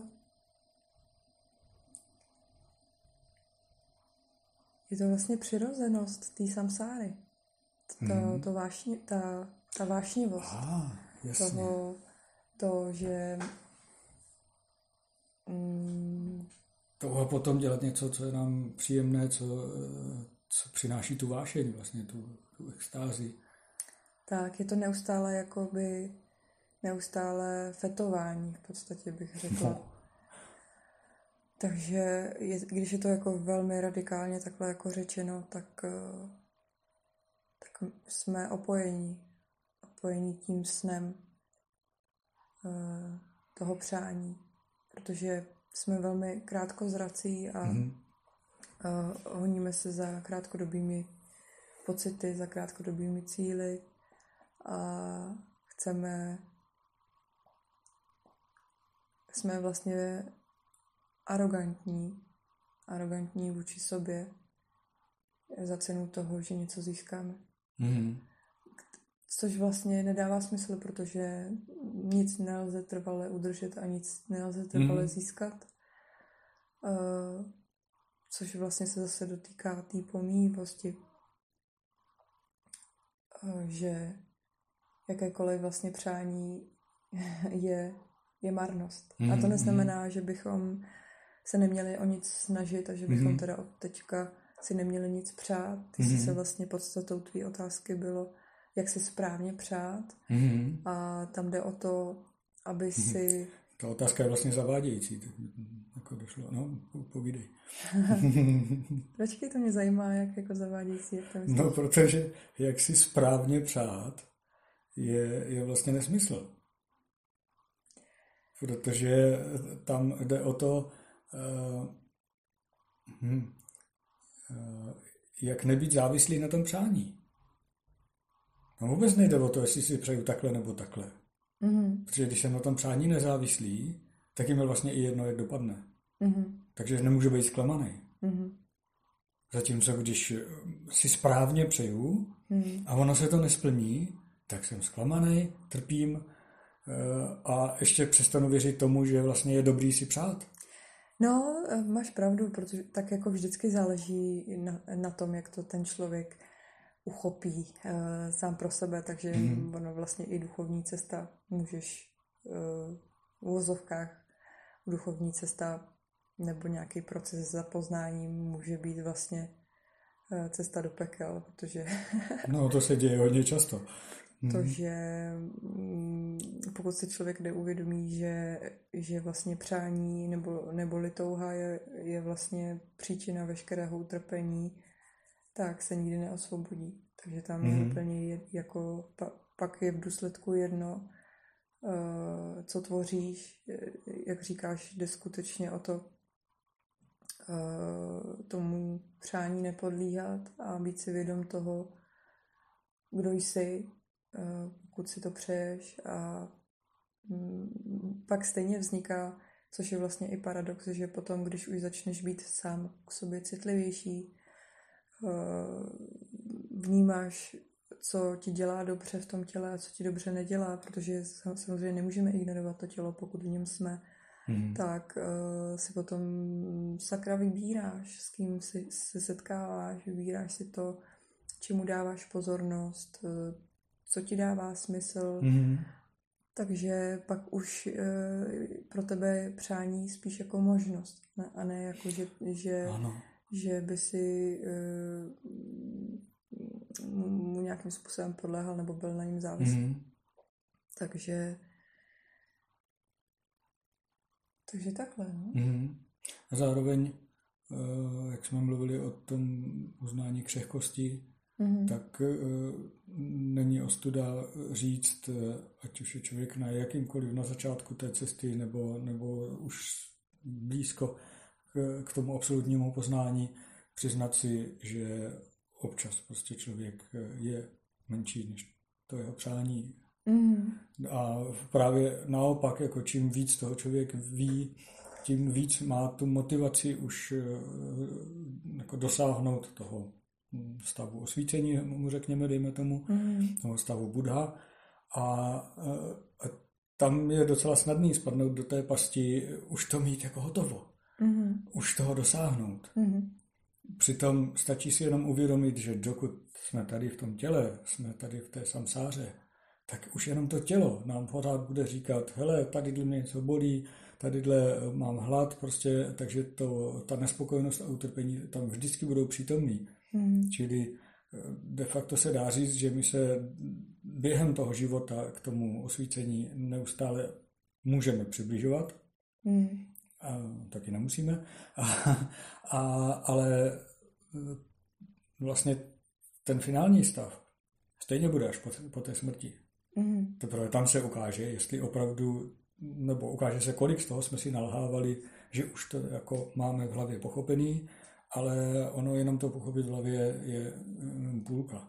Mm. A ta druhá půlka je v podstatě, a proto máme to tělo a proto to tady prožíváme, to je ten smysl celé, celé této koncepce samsáry, je e, prožívat si to a tím si vlastně zkoušet tu, e, jednak jak jsme to pochopili, jestli jsme to pochopili dobře, a taky pevnost toho rozhodnutí, že teda už jako budeme opravdu čestní, upřímní, Eh, ve vzájemné úctě eh, k ostatním a, a prostě nebudeme uhýbat eh, neúctě, nečestnosti, manipulaci a, a tam se to teprve ukáže. A zejména v těch situacích, jaká je teď, kdy ty tlaky jsou ze všech stran extrémní a už v podstatě opravdu to je přes dva roky, tak tam se to ukáže když eh, to bude, jak to bývalo dřív, že mních odešel do jeskyně a tam prostě 12 let, 20 let meditoval a stal se osvíceným, tak, eh, tak to dneska de facto ani nejde. Hmm. Dneska prostě jsme tady eh, v prostředí, který, který, ve kterém se nedá vlastně přežít bez toho, aby člověk vydělal aspoň trochu peněz. Hmm. Nebo takhle bezdomovci ukazují, že to jde, ale ale jde to eh, sakra krutě a nevím o žádným, který by jako byl osvícený. Hmm. Jo, díky tomu. Eh, čili naopak je potřeba si jako um, ušpinit ty boty jo, a jít do toho bláta eh, té samsáry a pořádně si to vyzkoušet, tu pevnost hmm. toho, co, co už člověk pochopil. Hmm, určitě. A, a tím se získává opravdu ta sebejistota toho, že že ta samsára a ty její lákadla anebo hrozby se mě už vlastně moc netýkají.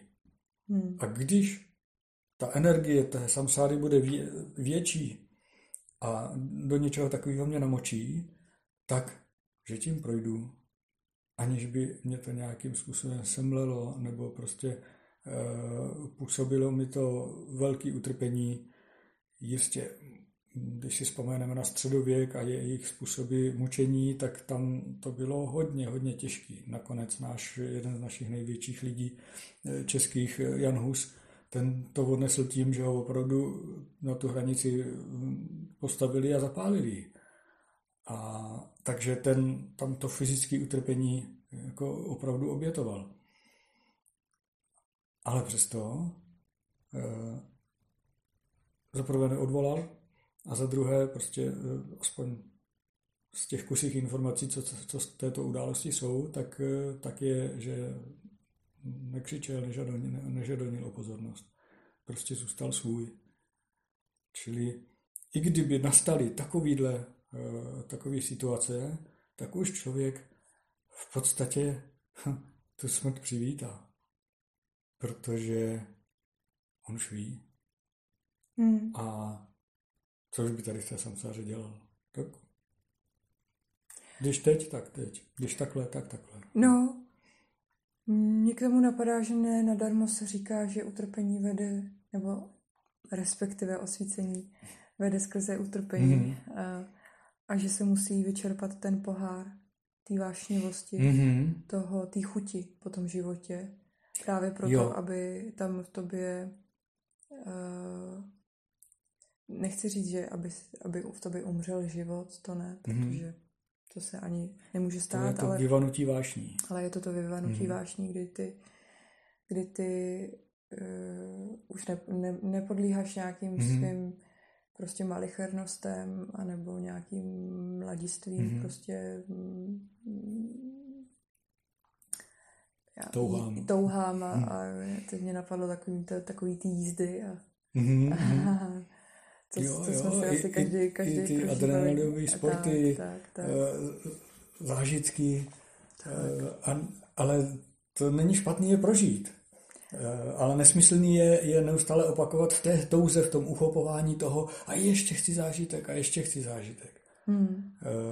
Ale na druhou stranu prostě v tom těle je potřeba ty vášně jako um, prožít do té míry, aby už eh, z toho vyprchalo takový to, to wow prostě, jo, hmm. to, to nadšení z toho, ty jo, extáze prostě a to musím opakovat, opakovat. No ale neustálým opakováním prostě ubejváte radosti v tom, jo, toho, toho nadšení.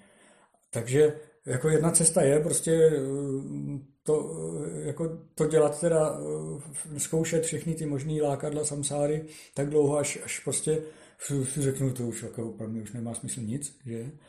Ale to se obávám, že ta samsára má tolik nabídek, že na to můžu spotřebovat klidně několik tisíc životů mm. abych to takhle udělal. Čili eh, ano, jako je, je dobrý na té cestě k tomu, eh, k tomu absolutnímu poznání eh, se nestranit, vlastně vyzkoušet všechno, ale dobře, jak si to vyzkouším jednou, dvakrát, třikrát a no dobrý, je to pořád stejný, no tak už nemusím.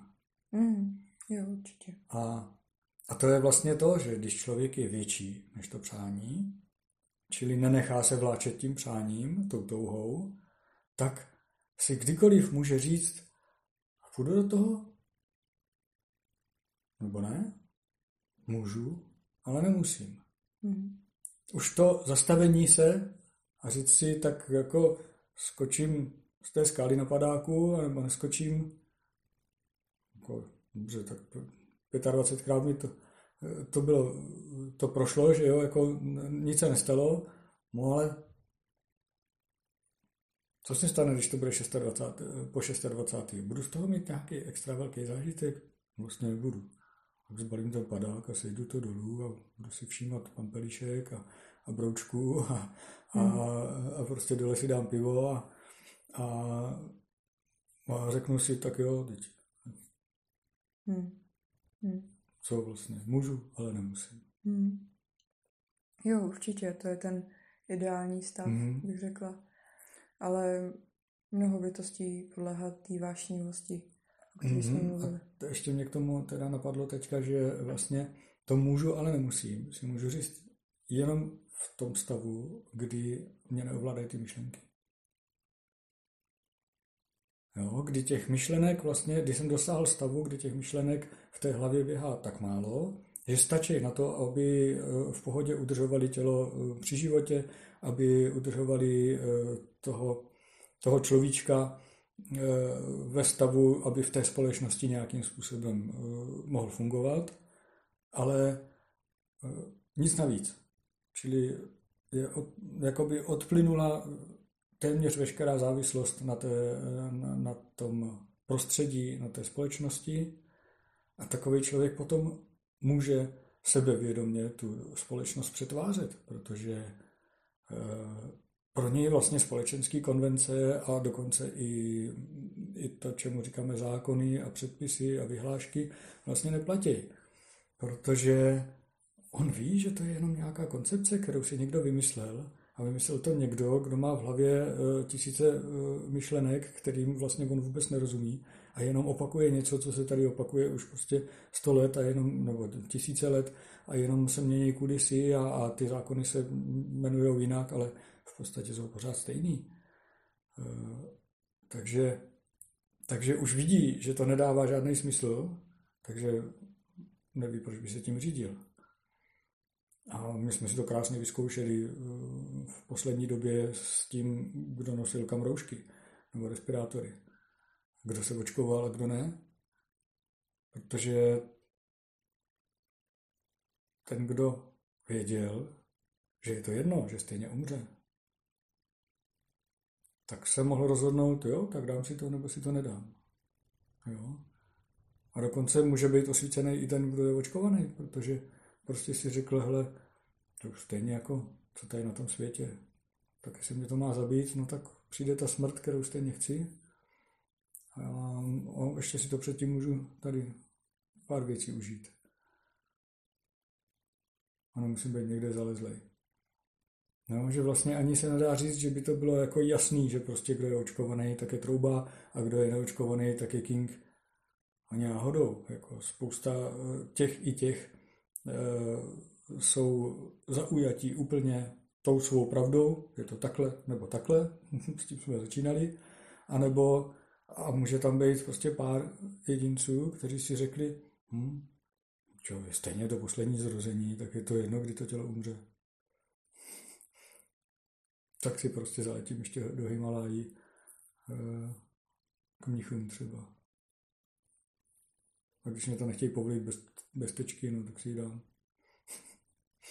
no, že vlastně eh, ten paradox je v tom, že je vlastně možný cokoliv. Protože když se neuchopuju toho, že nesmím se nechat očkovat, tak jsem svobodnější než když eh, budu dva roky bojovat a, a nakonec eh, za pět let umřu na, na rakovinu, protože prostě ten boj mě takhle vysílil, že, že stejně umřu. Takže takže vlastně vidím, že na konci všeho snažení je vlastně ta nula z té rovnice pomývosti. Vzniká okamžik trvá, zaniká, rovná se nula. A ta nula, to je vlastně prázdnota. To je to, to božství, to, to, to univerzum, který je vlastně, my tomu sice říkáme prázdnota, ale ono je to vlastně, správně by se to mělo jmenovat všeobjímající prázdnota, čili e, všeobjímající to znamená, že obsahují, vše obsahující. Ten paradox. Protože čím víc vlastně člověk v tom poznání e, ví, získává tu těch informací, tím víc vidí, že všechno je vlastně paradox. Že je možný to i to. Že ta dualita se vlastně překračuje tím, že se řekne, hm, pro mě existuje všechno. Protože jestliže jedním ze znaků dosažení osvícení je eh, realizování lásky ke všem bytostem, tak to znamená, že musím mít rád i ty nejvíc čestné lidi, i ty největší padouchy. To neznamená, že se budu kamarádičkovat s padouchama. Já jasně říkám, jak na tom jsou, ale nemůžu je zavrhovat. I s nima má člověk soucit.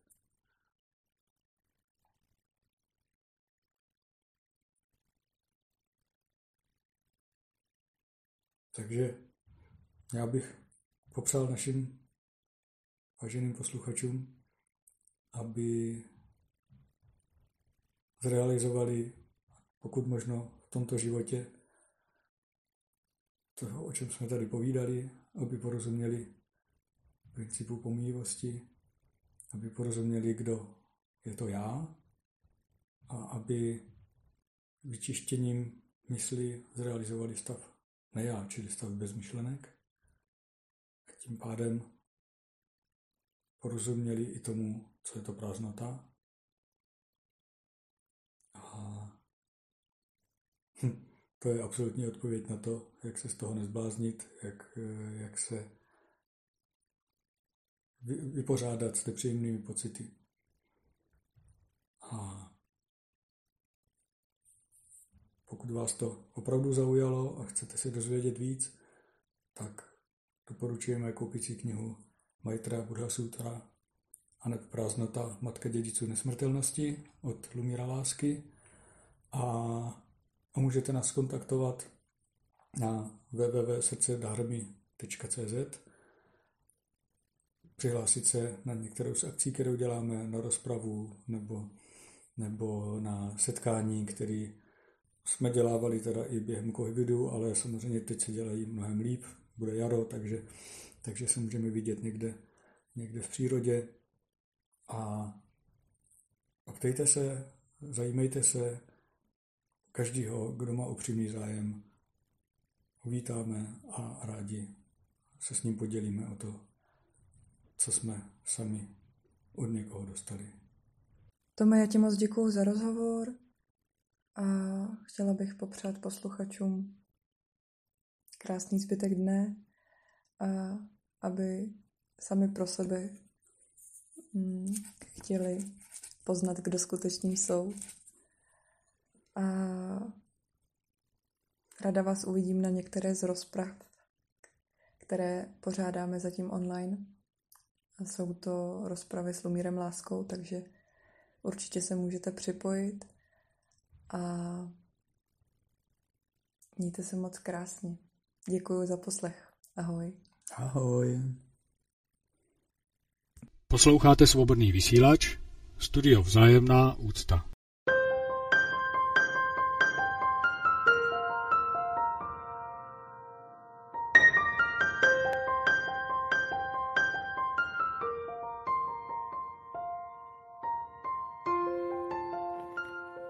Milí moci páni, kteří se sluníte na vrcholu pyramidy, milí banksteři, kteří je podporujete, milí politruci, vysocí úředníci i finanční špekulanti, vy všichni vězte, že jste u všeho viděni. I když si myslíte, že něco skryjete, že to, co vám není dokázáno, za to nenesete zodpovědnost, že se schováte za právnický guláš, ze kterého se i vám samým zvedá žaludek, vězte, že jste neustále viděni, a to vámi samými. A až budete stát na křižovatce smrti, a že tam budeme stát bez výjimky všichni, že se z toho nevykecáte, ani ten nejlepší právník, vás toho nevyseká. Budete tam zcela nazí sami před sebou. A vězte, že se sami za sebe budete tolik stydět, že se poženete na tento svět znovu, abyste to vše odčinili. Respektive, abyste sami sebe od té špíny, kterou máte na rukou, očistili. Jakýkoliv světský trest který by vás mohl stihnout zde na zemi, je ničím v porovnání s mukami, které jsou spojeny s hanbou před tváří pravdy. Neopakujte prvotní hřích, neopakujte situaci, kdy opustíte sami sebe, kdy se zaprodáte a pro svůj vlastní prospěch zneužijete své bližní. I kdybyste v tom viděli krátkodobý prospěch, vězte, že vás to dožene. Že si tím zaděláváte pouze na utrpení. Proto vás vyzývám, přestaňte s tím teď hned. Mějte se natolik rádi. A vy, dobří lidé, nešpiňte se s nimi. Nevěnujte jim více energie, než si zaslouží. Nic jim nevysvětlujte, nesnažte se je přesvědčit. Oni moc dobře vědí, že jednají nečestně, i když předstírají, že to neví. Pokud přeci jen přijdete s takovým člověkem do styku, tak mu to řekněte. Právě jednáš nečestně a je nedůstojné mě i tebe, abych se na tom podílel, abych nadále tento nerovný vztah rozvíjel. Nazdar. Můžete namítnout, že se jim nelze vyhnout, že žijeme v systému, který nás drží v závislosti na takových lidech, že žijeme v pyramidovém systému. Na to říkám, že máte na výběr, jaké vztahy budete podporovat a jaké nebudete. Ty, které podporovat budete, jejich vliv na váš život bude převažovat nad těmi, které podporovat nebudete. Mně například dává smysl propojovat se s lidmi, kteří jsou morálně čistí, s lidmi, kteří se mnou jednají ve vzájemné úctě, kde je přítomná oboustraná důstojnost. A pokud vás třeba napadne, že ve vašem poli se takoví lidé nenachází, možná je na čase uvažovat o změně prostředí. Znám mnoho takových lidí, synergicky s nimi spolupracuji, protože v tom vidím jediný smysl, jak vybřednout z toho šílenství, ve kterém jeden obkládá druhého, ve kterém jeden stoupá nahoru po hřbetu svých bližních, aby si vytvořil domělou výhodu, ze které by mohl něco vytěžit. Vy blázni, z tohoto života nevytěžíte nic, co byste si mohli vzít sebou na druhý břeh. Jediné, co s vámi odchází, jsou vaše nabité zkušenosti se sebou samým. Všechno ostatní jsou pomíjivé kulisy, které vás na chvíli doprovází, včetně vašeho těla, včetně vašeho domělého já a jeho žádostí něco mít. Změna přichází z dola. Nikdo z vrcholu pyramidy pro vás nic neudělá. Je na čase, člověče, postavit se sám za sebe a začít tvořit svoji vlastní realitu. Rozhlédněte se kolem sebe, lidé se začínají plošně probouzet. Můžete být součástí té změny, kterou si přejete, když budete chtít. Dřív, než budete mít požadavky na druhé, co by jak měli udělat, abyste byli šťastní, začněte u sebe. Změňte sebe.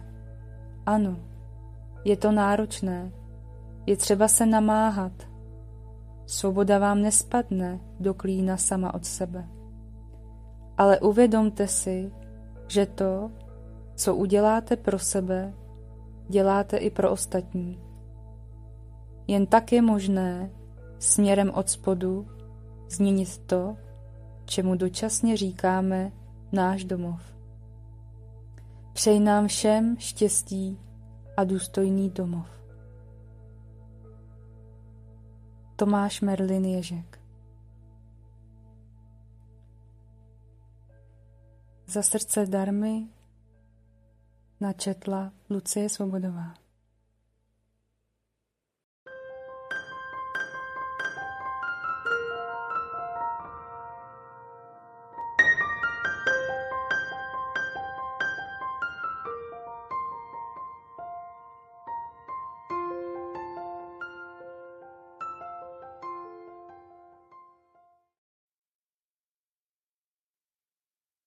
Drazí přátelé srdce darmy, ráda bych se s vámi podělila o recenzi, která se k nám dostala na Maitreya Buddha Sutru a neb Prázdnota Matka dědiců nesmrtelnosti. Tuto recenzi nám napsala profesorka, doktorka filozofie a zároveň magistra Anna Hogenová. Dovolte mi citovat. Máme před sebou otevřenou knihu Lumíra lásky, Maitreya Buddha Sutra, pojednávající o tom, jak je možno se vyvázat za našeho života z utrpení. Taková kniha je dnes naprostým obdarováním. Nežije se v této době dobře. Trpíme jsme ohroženi a nerozumíme tomu, protože to nejde. Taková situace není nic nespravedlivého. Ontologická nouze patří do našich životů více, než jsme schopni si to hluboce uvědomit a smířit se s touto platností. Autor nám sděluje jednoduchou rovnici. V plus OT plus Z rovná se nula. V vzniká, OT okamžik trvá, Z zaniká, rovná se nula.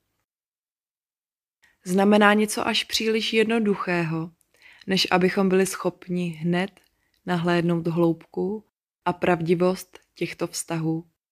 K tomu musíme přistoupit s pokorou a otevřeností, jak je pro tento druh myšlení myšleného nevyhnutelné. Lumír láska nás opatrně a laskavě vlamuje do cesty ke smíření, hlubokému klidu, což dnes, více než jindy, moc a moc potřebujeme. Prázdnota, plná prázdnota, která je o ním Brahma, jež představuje neosobní nejvyšší božskou bytost, je tím, k čemu máme dojít.